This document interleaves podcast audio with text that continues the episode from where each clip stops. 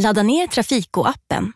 Där hittar du all teori och du kan boka handledarkursen, riskettan och risktvåan direkt i appen. Kapitel 4 Fordonet Stoppsträcka, reaktionssträcka och bromssträcka. Stoppsträcka Stoppsträckan är den sträcka bilen färdas från det att du upptäckt faran tills bilen står stilla. Man brukar dela upp stoppsträckan i två delar, reaktionssträcka och bromssträcka. Stoppsträcka är lika med reaktionssträcka plus bromssträcka. Reaktionssträcka Reaktionssträckan är den sträcka bilen färdas från det att du upptäckt faran tills du börjar bromsa. Det är två faktorer som påverkar reaktionssträckan. Reaktionstid Vanligtvis har människan en reaktionstid på 0,5 till 1 sekund, men det finns flera faktorer som påverkar reaktionstiden. Din reaktionstid blir kortare om du är en erfaren förare eller om du är handlingsberedd. Du har som kortast reaktionstid om du är bromsberedd, det vill säga att du håller foten över bromspedalen och är beredd på att bromsa. Alkohol, droger och trötthet kan däremot förlänga din reaktionstid. Hastighet Reaktionssträckan förändras proportionellt mot hastigheten. Två gånger så hög hastighet ger två gånger så lång reaktionssträcka. Fyra gånger så hög hastighet ger fyra gånger så lång reaktionssträcka. Förenklad metod för att räkna ut den ungefärliga reaktionssträckan. Stryk nollan i hastigheten och multiplicera sedan med 3. Bromssträcka Bromssträckan är den sträckan från det du har börjat bromsa tills bilen står stilla. Faktorer som påverkar bromssträckan. Väglag. Det bästa väglaget, där bromssträckan är kortast, är torr asfalt. Om det däremot är halt väglag, som till exempel is på vägen, blir bromssträckan längre. Däckens grepp. Om däcken är slitna får de sämre grepp och bromssträckan blir längre. Bromsarna. Typ av bromsar och deras skick påverkar bromssträckan. De flesta bilar har så kallade ABS-bromsar, vilket förkortar bromssträckan på de flesta underlag. Vikt. Ju mer last eller ju mer bilen väger, desto längre blir bromssträckan. Lutning. Om vägen lutar uppåt blir bromssträckan kortare och vid nedförslutning blir den längre. Hastighet. Ju högre hastighet du har, desto längre blir bromssträckan. Bromssträckan ökar kvadratiskt mot hastigheten. Två gånger så hög hastighet ger fyra gånger så lång bromssträcka. Tre gånger så hög hastighet ger nio gånger så lång bromssträcka. Förenklad metod för att räkna ut den ungefärliga bromssträckan. Ta bort nollan från hastigheten, multiplicera talet med sig själv och multiplicera sedan med 0,4. Denna formel räknar med att bilen har bra bromsar, bra däck och torr asfalt som underlag. Räkna ut stoppsträcka. För att räkna ut stoppsträckan räknar du först ut reaktionssträckan och bromssträckan Sen adderar du båda. Från kilometer per timme till meter per sekund. Ibland kan du behöva göra om kilometer i timmen till meter per sekund för att beräkna hur långt bilen färdas under ett antal sekunder. Förenklad beräkning. När du ska göra om kilometer i timmen till meter per sekund kan du göra en uppskattning eftersom en exakt beräkning kan vara svår utan miniräknare. Börja med att stryka nollan i kilometer i timmen och multiplicera sedan med 3. Köregenskaper Om du förstår dig på bilens köregenskaper, det vill säga hur bilen uppträder, kan du lättare motverka och hantera svåra situationer. Köregenskaperna hos en bil varierar beroende på hur bilen är konstruerad. Kör därför lugnt och försiktigt i början när du kör en ny bil. Exempel på faktorer som påverkar köregenskaperna. Om bilen är fram-, bak eller fyrhjulsdriven. däckens skick, placering och lufttryck, bilens bromsar, lastens vikt och placering, stötdämparnas skick. Drivsystem Framhjulsdrift Framhjulsdrift innebär att motorn driver på framhjulen. Framhjulsdrivna bilar är mer understyrda än bakhjulsdrivna. Understyrning är att föredra framför överstyrning eftersom det kan vara väldigt svårt att få kontroll på en överstyrd bil som fått bakvagnssladd. De flesta bilar som tillverkas idag är framhjulsdrivna eftersom vägegenskaperna i dåligt väglag ofta anses bättre än bakhjulsdrivna bilar.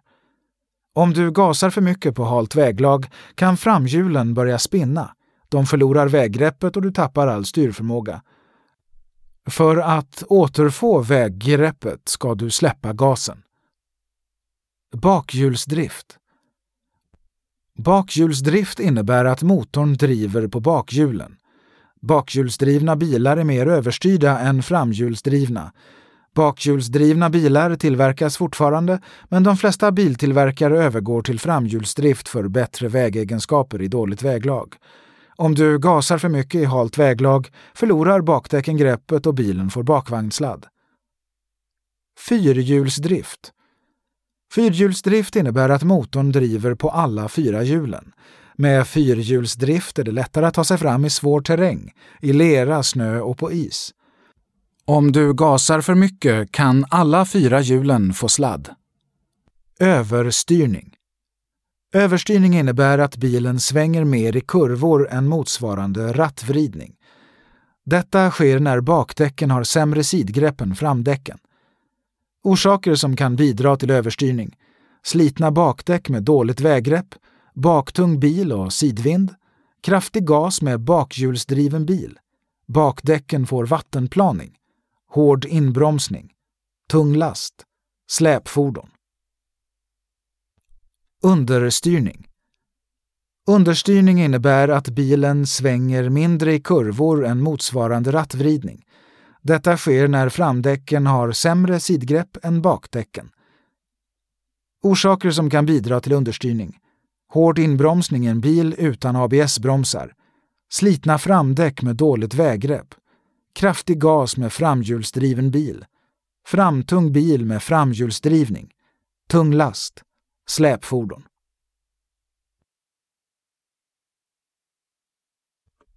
Hjul och däck. Sommardäck. Sommardäck är tillverkade för att få bäst grepp på betong och asfaltsvägar. Gummit som de är gjorda av blir hårdare vid kallare temperaturer vilket gör att de får sämre grepp på vinterväglag. Mönstret på sommardäck är konstruerat för att leda bort vatten och undvika vattenplaning. Mönsterdjupet på nytillverkade sommardäck är 8–9 mm. När däcken slits minskar mönsterdjupet vilket leder till att köregenskaperna försämras och risken för vattenplaning ökar. Det minsta tillåtna mönsterdjupet på sommardäck är 1,6 mm. Vinterdäck Det finns två typer av vinterdäck, dubbdäck och friktionsdäck. Vinterdäck ska vara dubbade eller märkta med en alptopp, snöflinga, bokstäverna POR eller bokstäverna M och S. Vinterdäckslagen vid vinterväglag mellan 1 december och 31 mars måste vinterdäck användas. Däcken måste ha minst 3 mm mönsterdjup. Friktionsdäck Friktionsdäck är vinterdäck utan dubbar. Friktionsdäck har bra grepp på snö men fungerar något sämre på is. Fördelen med friktionsdäck är att de inte sliter lika mycket på vägarna som dubbdäck. Dubbdäck Fördelen med dubbdäck är att de har bättre grepp på is och hårdpackad snö. Nackdelen är att däcken har sämre väggrepp och längre bromssträcka på torra asfaltsvägar. Regler för dubbdäck Inom vissa områden råder dubbdäcksförbud. Under perioden 16 april till 30 september är det dubbdäcksförbud. Undantag Dubbdäck får användas under denna period om det förväntas eller är vinterväglag. Om du använder dubbdäck måste alla fyra däcken vara dubbdäck. Det är förbjudet att använda dubbdäck endast på några av däcken. Har din bil dubbdäck måste även släpvagnen ha dubbdäck när det är vinterväglag. Reservhjul När du köper en bil är den utrustad med ett reservhjul. Skulle du få punktering när du är ute och kör kan du byta till detta hjul. Reservhjulet kan vara likadant som de andra hjulen eller så kan det vara ett nödhjul. Nödhjulet får endast köras i en viss hastighet och en viss sträcka. Vanligtvis inte fortare än 80 km i timmen och inte längre än 8 mil. Information om detta hittar du i instruktionsboken. Eftersom körning med nödhjul är begränsat till en viss hastighet är det viktigt att du väljer vägar som är lämpliga vid lägre hastigheter. Undvik motorväg och motortrafikled och välj istället exempelvis en landsväg med vägren. Slitage och mönsterdjup. Eftersom slitna däck leder till sämre köregenskaper och ökad risk för vattenplaning ska du med jämna mellanrum kontrollera mönsterdjupet. Till din hjälp finns det slitagevarnare på däcken som visar när mönsterdjupet börjar bli för lågt. Däcken slits naturligtvis när de används, men det finns flera saker du kan göra för att de ska hålla längre. Lufttryck. Rätt lufttryck är viktigt för att minska slitaget. Vilket lufttryck däcken ska ha hittar du i bilens instruktionsbok. Kontrollera lufttrycket med jämna mellanrum. Vissa bilar är utrustade med TPMS, Tire Pressure Monitoring System, som med hjälp av sensorer i hjulen registrerar däckens lufttryck och temperatur. Är trycket för lågt i ett av däcken tänds en lampa på instrumentpanelen. Från november 2014 är det krav på TPMS på alla nya bilar. Hjulinställning om bilen drar snett när du kör på raksträckor kan det bero på fel hjulinställning. Med fel hjulinställning slits framdäckens kanter mycket fortare. Om detta sker ska du låta en verkstad åtgärda problemet. Balansering. Om hjulen är felaktigt balanserade blir det ofta ett fläckvis slitage på dem. Felaktigt balanserade framhjul leder ofta till rattfrossa, det vill säga skakningar i ratten. Undvik kraftiga inbromsningar och accelerationer. Kör lugnt i kurvor. Däckbyte. Om du endast byter däck på några av hjulen är det viktigt att du byter båda framdäcken eller båda bakhjulen samtidigt. Däck på samma axel ska ha samma mönsterdjup. Det är viktigt att bakdäcken har bäst grepp för att undvika bakvagnssladd. Om du har köpt två nya däck ska de därför monteras på bakaxeln. För att vara helt säker på att inget hjul lossnar efter ett hjulbyte ska du efterspänna bultarna. Detta ska du göra när du kört 5-10 mil med de nya hjulen. Bromssystemet och styrsystemet. Färdbroms. När du trycker på bromspedalen använder du färdbromsen. Kraften från pedalen överförs till hjulen med hjälp av bromsvätska. Om det uppstår läckage försvinner bromsverkan på hjulen i systemet. Därför är alla moderna bilar utrustade med ett så kallat tvåkretssystem. Det innebär att om det är läckage eller ett system är ur funktion finns det fortfarande bromsverkan kvar på två eller tre av hjulen. På bilar med tvåkretssystem finns det en varningslampa på instrumentpanelen som varnar om vätskenivån i något av systemen är för låg. Om färdbromsen är ur funktion och bromsverkan saknas på något hjul får bilen ej köras, den måste bärgas. Parkeringsbroms Parkeringsbroms är ett bromssystem som generellt endast verkar på bakhjulen. Bromsen aktiveras antingen med en knapp markerad med P eller med en spak. En varningslampa lyser när parkeringsbromsen är åtdragen för att du inte ska glömma att lossa den innan färd. Vid parkering ska du dra åt parkeringsbromsen och även lägga i en låg växel. Detta motverkar att bilen hamnar i rullning ifall parkeringsbromsen inte fungerar. Vid kallt fuktigt väder finns det risk att parkeringsbromsen fryser fast. Därför ska du parkera på plan mark och endast lägga i en växel vid parkering i denna situation. Bromsservo Alla nya bilar är utrustade med bromsservosystem. Med hjälp av motorn förstärker systemet bromskraften från bromspedalen till hjulen. Ett lätt tryck på bromspedalen ger stor bromseffekt på hjulen tack vare bromsservosystemet. Eftersom systemet drivs av motorn fungerar det inte när motorn är avstängd. Är motorn avstängd måste du därför trycka hårdare på bromspedalen för att uppnå stor bromseffekt på hjulen. För att kontrollera att bromsservon fungerar trycker du ner bromspedalen några gånger och håller den nedtryckt medan du startar motorn. När motorn startar ska pedalen sjunka en aning om servon fungerar. ABS-bromsar Nästan alla moderna bilar är utrustade med låsningsfria bromsar, ABS-bromsar. Fungerar ABS-bromsarna pulserar bromspedalen under kraftig inbromsning. En varningslampa på instrumentpanelen tänds om det är något fel på ABS-systemet. Fördelar med ABS-bromsar Det går att styra bilen även vid kraftiga inbromsningar.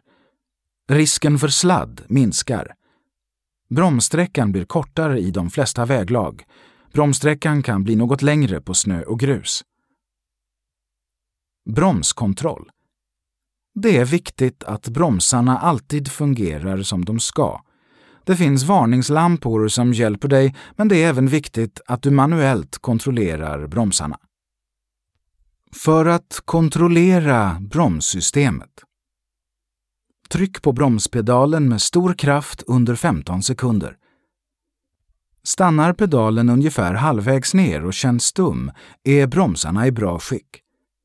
Känns bromsen fjädrande kan det finnas luft i systemet. Tar bromsarna nära golvet kan de behöva justeras eller repareras. Sjunker pedalen långsamt finns det en läcka i systemet. Fukt på bromsarna försämrar bilens bromseffekt. Efter till exempel en biltvätt ska du därför alltid provbromsa. Vid provbromsning värms bromsarna upp och fukten dunstar. Styrsystemet När du vrider på ratten överförs rörelsen till hjulen och bilen ändrar körriktning. Med tiden slits styrsystemet, speciellt om det utsätts för stora påfrestningar. Detta kan leda till glapp som till slut kan leda till skakningar i ratten, även kallad rattfrossa. Du kan kontrollera glappet genom att stå vid sidan om bilen, vrida ratten till höger och vänster för att se hur mycket ratten kan röra sig utan att hjulen rör sig. Skakningar i ratten kan även bero på obalans i framhjulen. Styrservo Styrservosystemet gör bilen mer lättstyrd. Med hjälp av hydraulisk vätska och kolvar överförs kraften från rattrörelserna till hjulen. Servosystemet drivs med hjälp av motorn. Bilen blir därför väldigt tungstyrd när motorn är avstängd. Det finns även bilar med elektromekanisk servostyrning. Fördelarna med denna servostyrning är att den är bränslesnålare och inte försämras med tiden. Antingen fungerar den eller så fungerar den inte alls. För att testa att styrservon fungerar, dra ratten till höger eller vänster samtidigt som du startar motorn. I samma ögonblick som motorn startar känner du hur det genast blir betydligt lättare att vrida på ratten.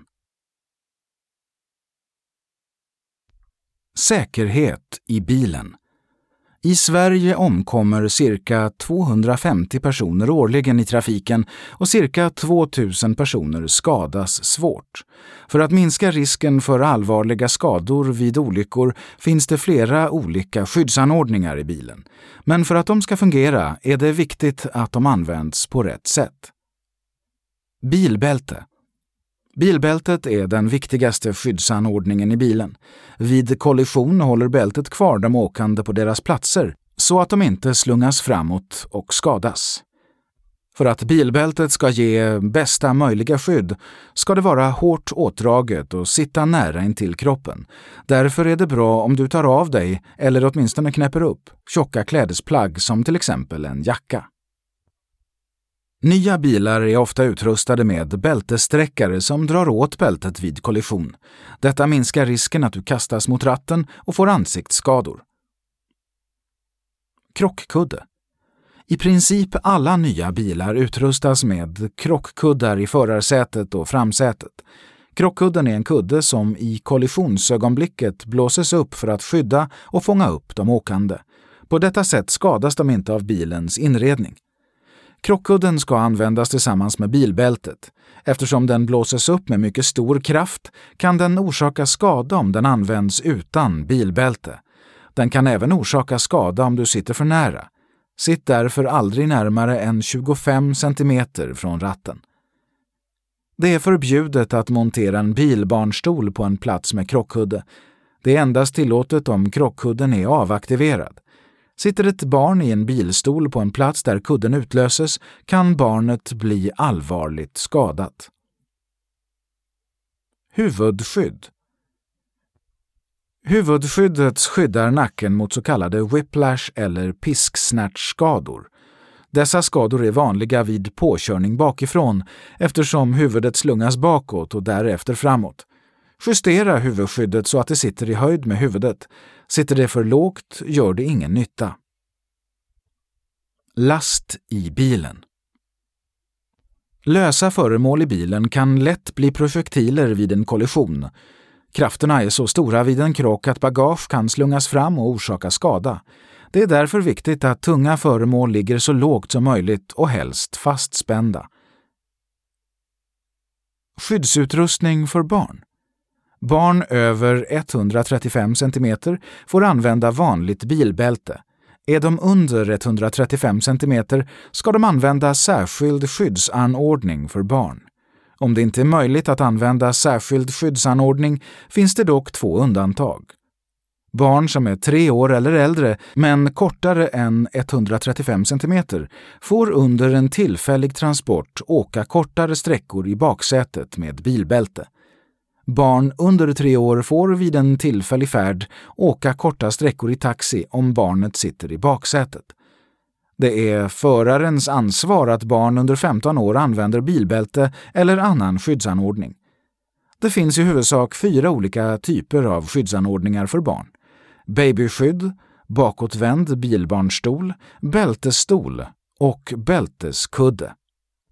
Vilken typ av skydd barnet ska använda anges ofta i ålder och eller vikt, men det är barnets längd som i första hand avgör.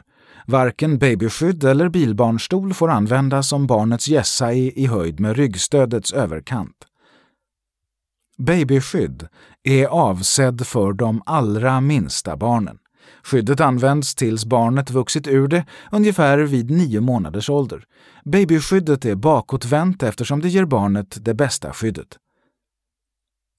Bakåtvänd bilbarnstol är avsedd för barn från cirka nio månader till cirka fyra år eller tills de växt ur den.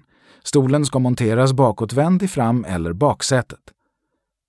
Bältesstol eller bälteskudde är avsedd för barn från cirka fyra år tills de är 135 cm långa. Skydden används tillsammans med bilens vanliga bilbälte och är framåtvända. För bästa skydd bör de placeras i baksätet. Använd bältesstol om bilens baksäte saknar huvudskydd. Viktigt! Ingen av dessa anordningar får användas på plats med aktiv krockkudde. Motorns hjälpsystem Kylsystemet När motorn är igång genererar den mycket värme för att motorn inte ska överhettas och ta skada finns det ett kylsystem. De flesta motorer kyls ned av vätska som pumpas genom motorn. Kylvätskan består vanligtvis av hälften glykol och hälften vatten. Kylsystemet kräver inte mycket underhåll men det är viktigt att du med jämna mellanrum kontrollerar att det finns tillräckligt med vätska i systemet. Fyll på med vatten och glykol om det behövs. Glykolen sänker kylvätskans fryspunkt vilket gör att vätskan inte fryser även om det blir minusgrader. Därför är det viktigt att inför vintern kontrollera mängden glykol i kylvattnet. Det gör du enkelt med hjälp av ett mätinstrument som finns att låna på de flesta bensinstationer. Kylvätskans temperatur visas på en mätare som sitter på instrumentpanelen. Visar den att temperaturen är för hög kan det bero på olika orsaker. Orsaker till för hög vätsketemperatur. Det kan finnas en läcka i kylsystemet. Låt motorn svalna innan du fyller på vätska. Öppnar du påfyllningslocket till kylvätskan när motorn är varm kan det spruta ut het vattenånga och det finns risk att du skollar dig. Vattenpumpen eller fläkten kan ha stannat. Har motorn en elektrisk kylfläkt kan en säkring ha gått som gjort att fläkten stannat. Vid kalla temperaturer kan kylsystemet ha fått en ispropp, vilket leder till att cirkulationen i systemet försämras. Smörjsystemet. Bilmotorn har en mängd olika rörliga delar som rör sig med stor hastighet. För att inte motorn ska skära och gå sönder måste den hela tiden smörjas med olja. Oljan pumpas med tryck ut i motorns olika delar. Kontrollera oljenivån med jämna mellanrum och fyll på vid behov. Skulle oljetryckslampan börja lysa när du är ute och kör måste du stanna och stänga av motorn omedelbart. Det kan räcka med att fylla på motorolja. Fungerar inte det måste en verkstad åtgärda felet. Bränslesystemet. De flesta bilar drivs av diesel, bensin eller etanol. Vid förbränningen i motorn blandas bränslet med stora mängder luft som sugs in genom ett luftfilter.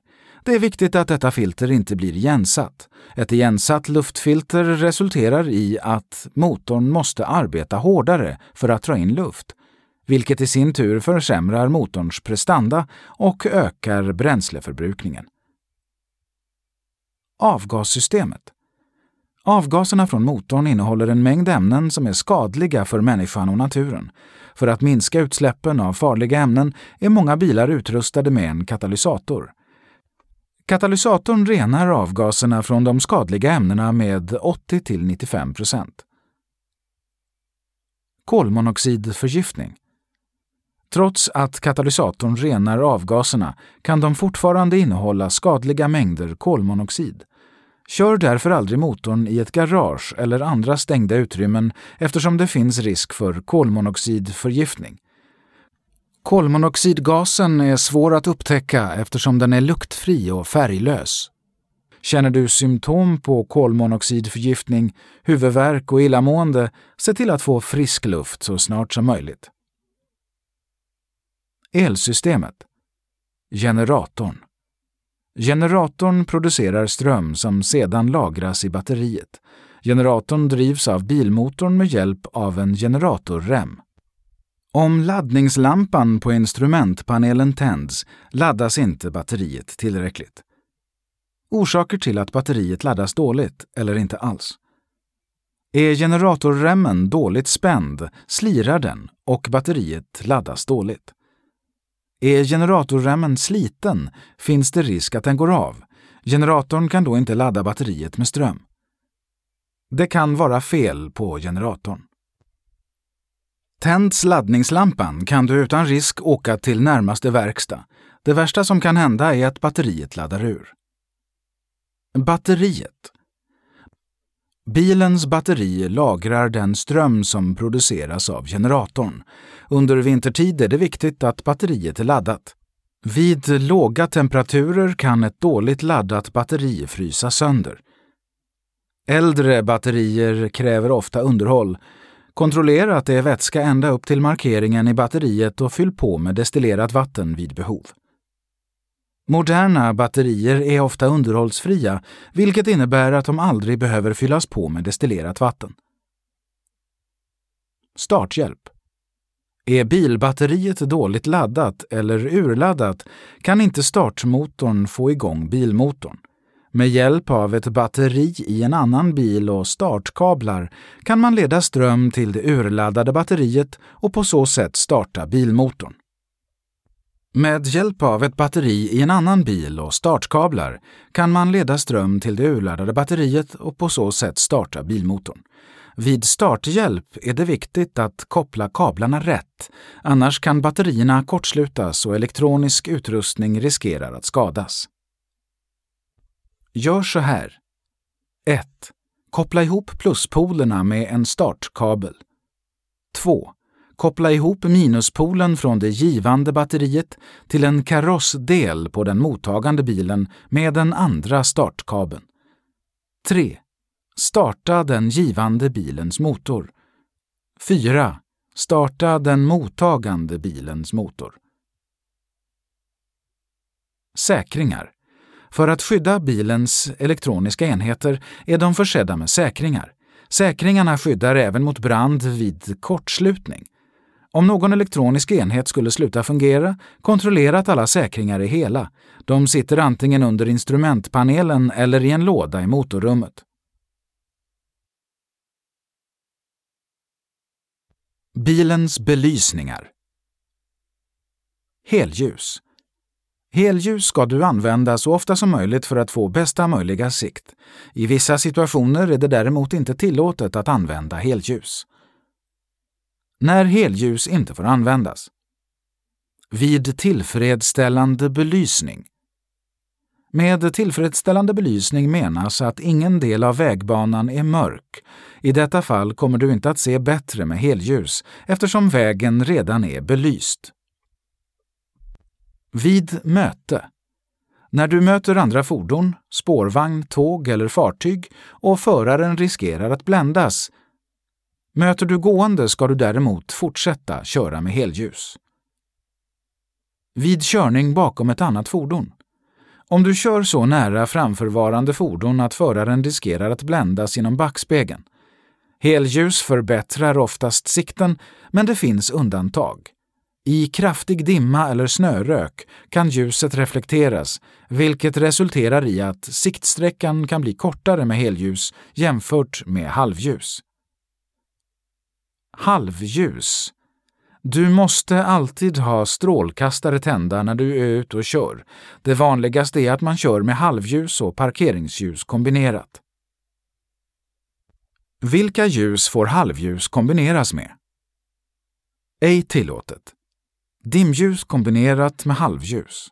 Varselljus kombinerat med halvljus. Extraljus kombinerat med halvljus. Tillåtet. Parkeringsljus kombinerat med halvljus. Om du kör med halvljus och en utav halvljuslamporna går sönder ska du stänga av halvljuset och sätta på parkeringsljus och dimljus. Du måste stänga av halvljuset när du sätter på dimljuset eftersom de inte får kombineras. Varselljus. Varselljus kan användas istället för halvljus i dagsljus vid bra siktförhållanden. Varselljus ska därför inte användas vid körning i nedsatt sikt, som till exempel skymning, gryning, regn, dimma eller liknande. Varselljus får ej kombineras med dimljus. Extraljus. För att förstärka ljuset ytterligare kan man montera olika extraljus på bilen. Extraljus får inte kombineras med halvljus utan ska användas i de situationer då helljus är tillåtet. Exempel på extraljus. Fjärrljus förstärker ljuset framåt och ger en längre siktsträcka. Kurvljus sprider ljuset framåt och ger en bredare ljusbild. Dimljus det är tillåtet att använda dimljus istället för halvljus i dagsljus. Det är även tillåtet i mörker, men endast vid kraftigt regn eller dimma.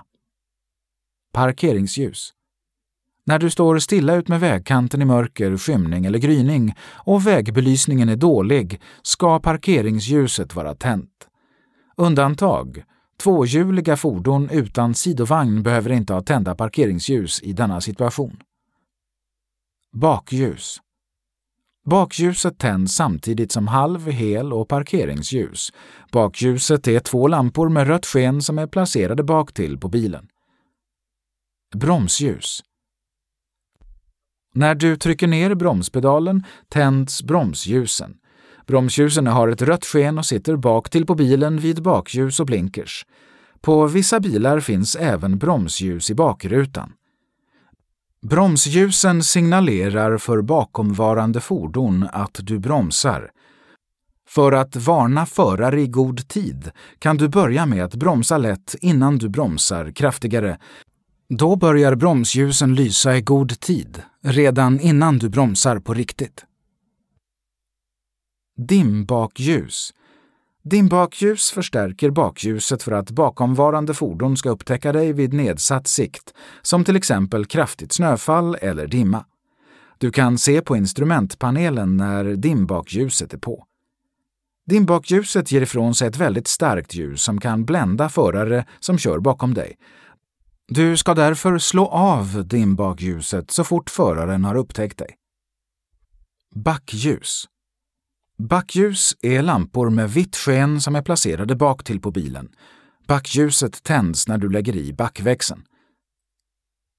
Blinkers Blinkers har ett orange blinkande ljus. Blinkers ska användas i dessa situationer. När du ska vända på vägen. När du ska svänga i en vägkorsning.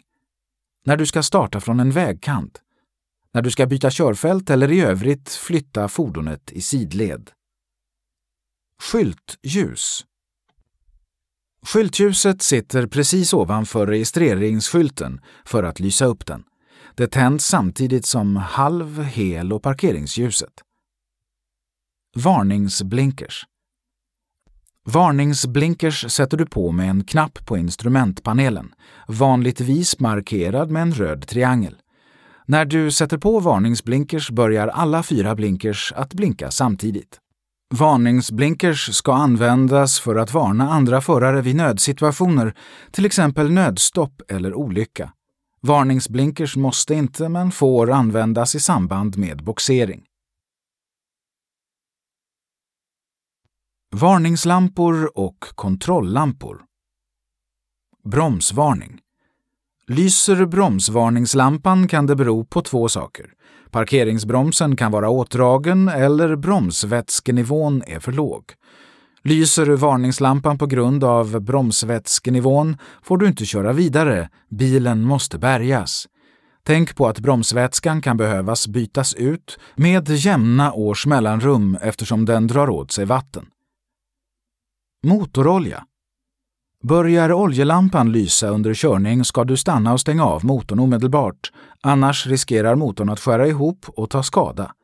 Det kan räcka med att fylla på motorolja, men fungerar inte det måste en verkstad åtgärda felet.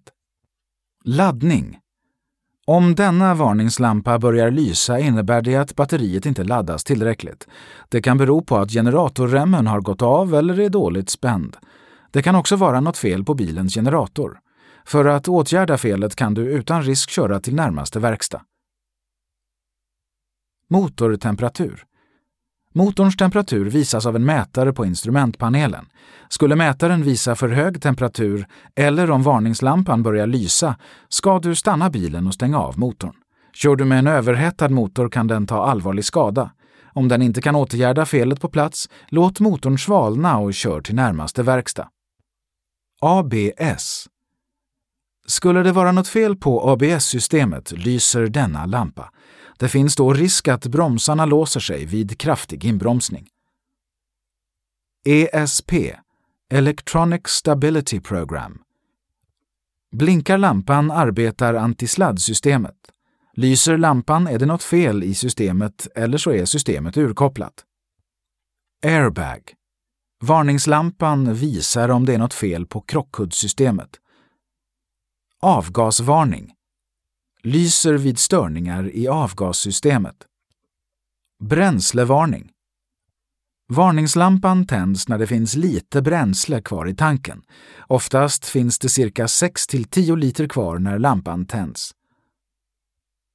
Spolarvätska visar att spolarvätskenivån är låg. Dimbakljus.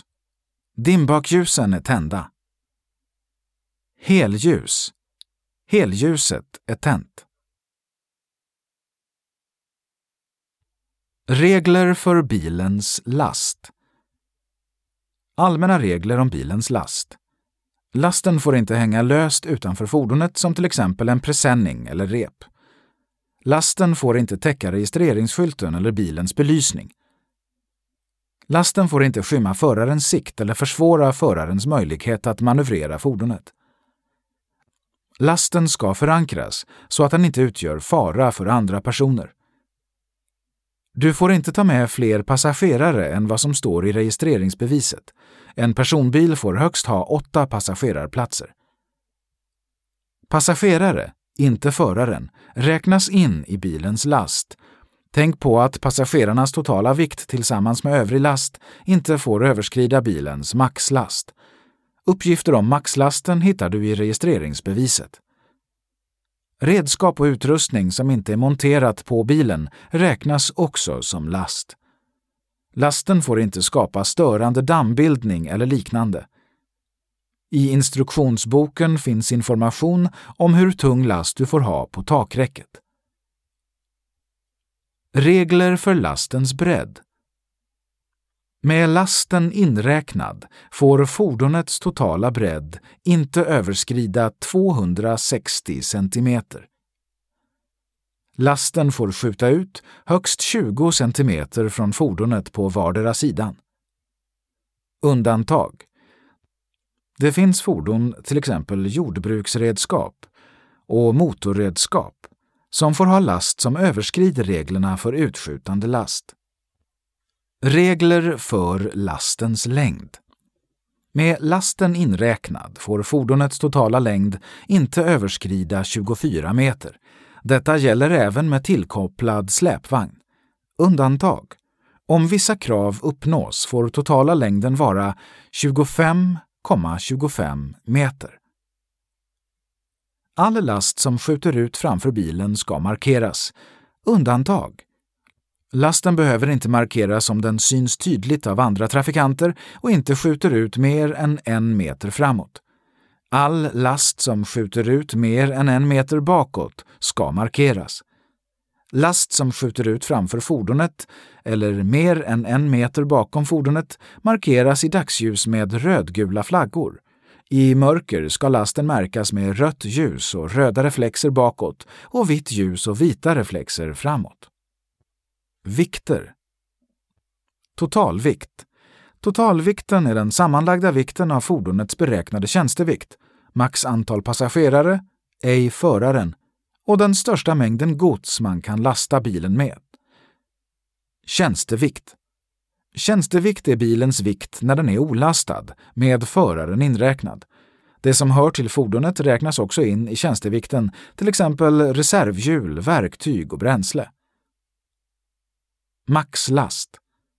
Maxlasten avgör hur mycket du får lasta bilen med och är skillnaden mellan totalvikten och tjänstevikten. Totalvikt minus tjänstevikt är lika med maxlast. Tänk på att även passagerarnas vikt räknas som fordonets last. Bruttovikt. Bruttovikten är den vikt en bil eller släpvagn har vid ett visst tillfälle. Bruttovikten ändras beroende på hur mycket du lastar bilen. Besiktning och registrering. Kontrollbesiktning. För att minska miljöfarliga utsläpp och antalet olyckor som beror på tekniska fel måste man enligt lag kontrollbesiktiga sin bil med jämna mellanrum. Bilar med en totalvikt av högst 3,5 ton ska besiktigas första gången inom tre år. Därefter ska fordonet besiktigas inom två år och sedan var fjortonde månad. Dessa regler för besiktning infördes i maj 2018. Körförbud. Din bil får automatiskt körförbud om du inte besiktigar den inom besiktningsperioden. Detta innebär att fordonet inte får användas förrän kontrollbesiktningen är gjord. Flygande inspektion. En polisman eller en bilinspektör kan när som helst stanna dig ute på vägarna för att kontrollera ditt fordon, vilket kallas för en flygande inspektion. Upptäcks mindre brister på fordonet får föraren ett föreläggande att reparera fordonet. Fordonet måste därefter kontrolleras på bilprovningen eller hos en akkrediterad verkstad. Upptäcks allvarliga brister får fordonet körförbud. Detta innebär att fordonet måste bärgas från platsen. Under en flygande inspektion kan polisen eller bilinspektören även kontrollera ditt körkort. Körkortet är den enda handlingen du måste ha med när du kör bil. Registrering Registreringsbevis För alla fordon som är registrerade i Sverige finns ett registreringsbevis utfärdat. Detta dokument ska ses som en värdehandling och förvaras på en säker plats. Registreringsbeviset är uppdelat i två delar. Del 1 innehåller tekniska och allmänna uppgifter om fordonet, uppgifter om ägaren eller den som använder fordonet, mått, vikter och vilka släpvagnar fordonet får dra. Del 1 används vid av och påställning. Del 2 innehåller uppgifter om vem som äger och vilka som tidigare har ägt fordonet. Del 2 används vid ägarbyte eller vid avregistrering. Ägarbyte vid ägarbyte av ett fordon ska både den gamla och den nya ägaren skicka in en anmälan om ägarbytet till Transportstyrelsen. Detta ska ske inom tio dagar efter bytet. Avställning Ska du inte använda ditt fordon under en tid kan du ställa av fordonet. Avställning görs på Transportstyrelsens hemsida eller via skriftlig anmälan med hjälp av del 1 av registreringsbeviset. Under tiden ett fordon är avställt behöver du inte betala skatt och trafikförsäkring. Viktigt! Om ditt fordon får körförbud blir fordonet inte automatiskt avställt. Du måste alltid ställa av ditt fordon själv. Ändring av fordon. Om du gör ändringar på ditt fordon så att uppgifterna i registreringsbeviset inte längre stämmer måste du registreringsbesiktiga fordonet inom en månad. Montering av taklucka, byte av motor och import av fordon kräver registreringsbesiktning. Försäkringar Trafikförsäkring alla registrerade motordrivna fordon som ska användas i trafik måste enligt lag vara trafikförsäkrade. Trafikförsäkringen är den enda försäkringen som är obligatorisk, resterande försäkringar är frivilliga. Försäkringen ska tecknas av den som äger och i huvudsak kör fordonet. Låter man någon annan stå som ägare och försäkringstagare till fordonet finns det risk att man inte får någon ersättning om något skulle hända. Exempel på skador som trafikförsäkringen täcker. Alla personskador. Detta gäller både förare och passagerare och oavsett vem som orsakat olyckan. Om du orsakat en olycka med skador på ett annat fordon ersätter din försäkring skadorna på det andra fordonet. Om du är med i en olycka orsakad av någon i ett annat fordon ersätter hens försäkring skadorna på ditt fordon. Krockar du med något annat än ett motorfordon, till exempel en skylt eller lyktstolpe, täcker försäkringen sakskadorna. Halvförsäkring, delkaskoförsäkring. Delkaskoförsäkringen täcker vanligtvis stöld, maskin, elektronik och brandskador, kostnader för assistans och räddning samt rättsskydd. Helförsäkring. I helförsäkring ingår delkaskoförsäkring. Försäkringen täcker även skador på ditt eget fordon vid olika trafikolyckor, trots att du orsakat olyckan. Försäkringen kan även täcka andra kostnader som till exempel bärgningskostnader. Regressrätt Regressrätt, även kallad återkravsrätt, innebär att försäkringsbolagen kan kräva tillbaka ersättningar. Det kan hända ifall skadan skett på grund av vårdslöshet eller rattfylleri. Skadanmälan För att försäkringsbolagen ska kunna utreda en olycka ska du fylla i en skadanmälan. Om du är med i en olycka med ett annat fordon ska både du och föraren i det andra fordonet fylla i varsin skadanmälan. Det är bra om du har blanketten för skadanmälan i bilen så att de finns till hands ifall olyckan skulle inträffa. Du kan hämta blanketten hos ditt försäkringsbolag.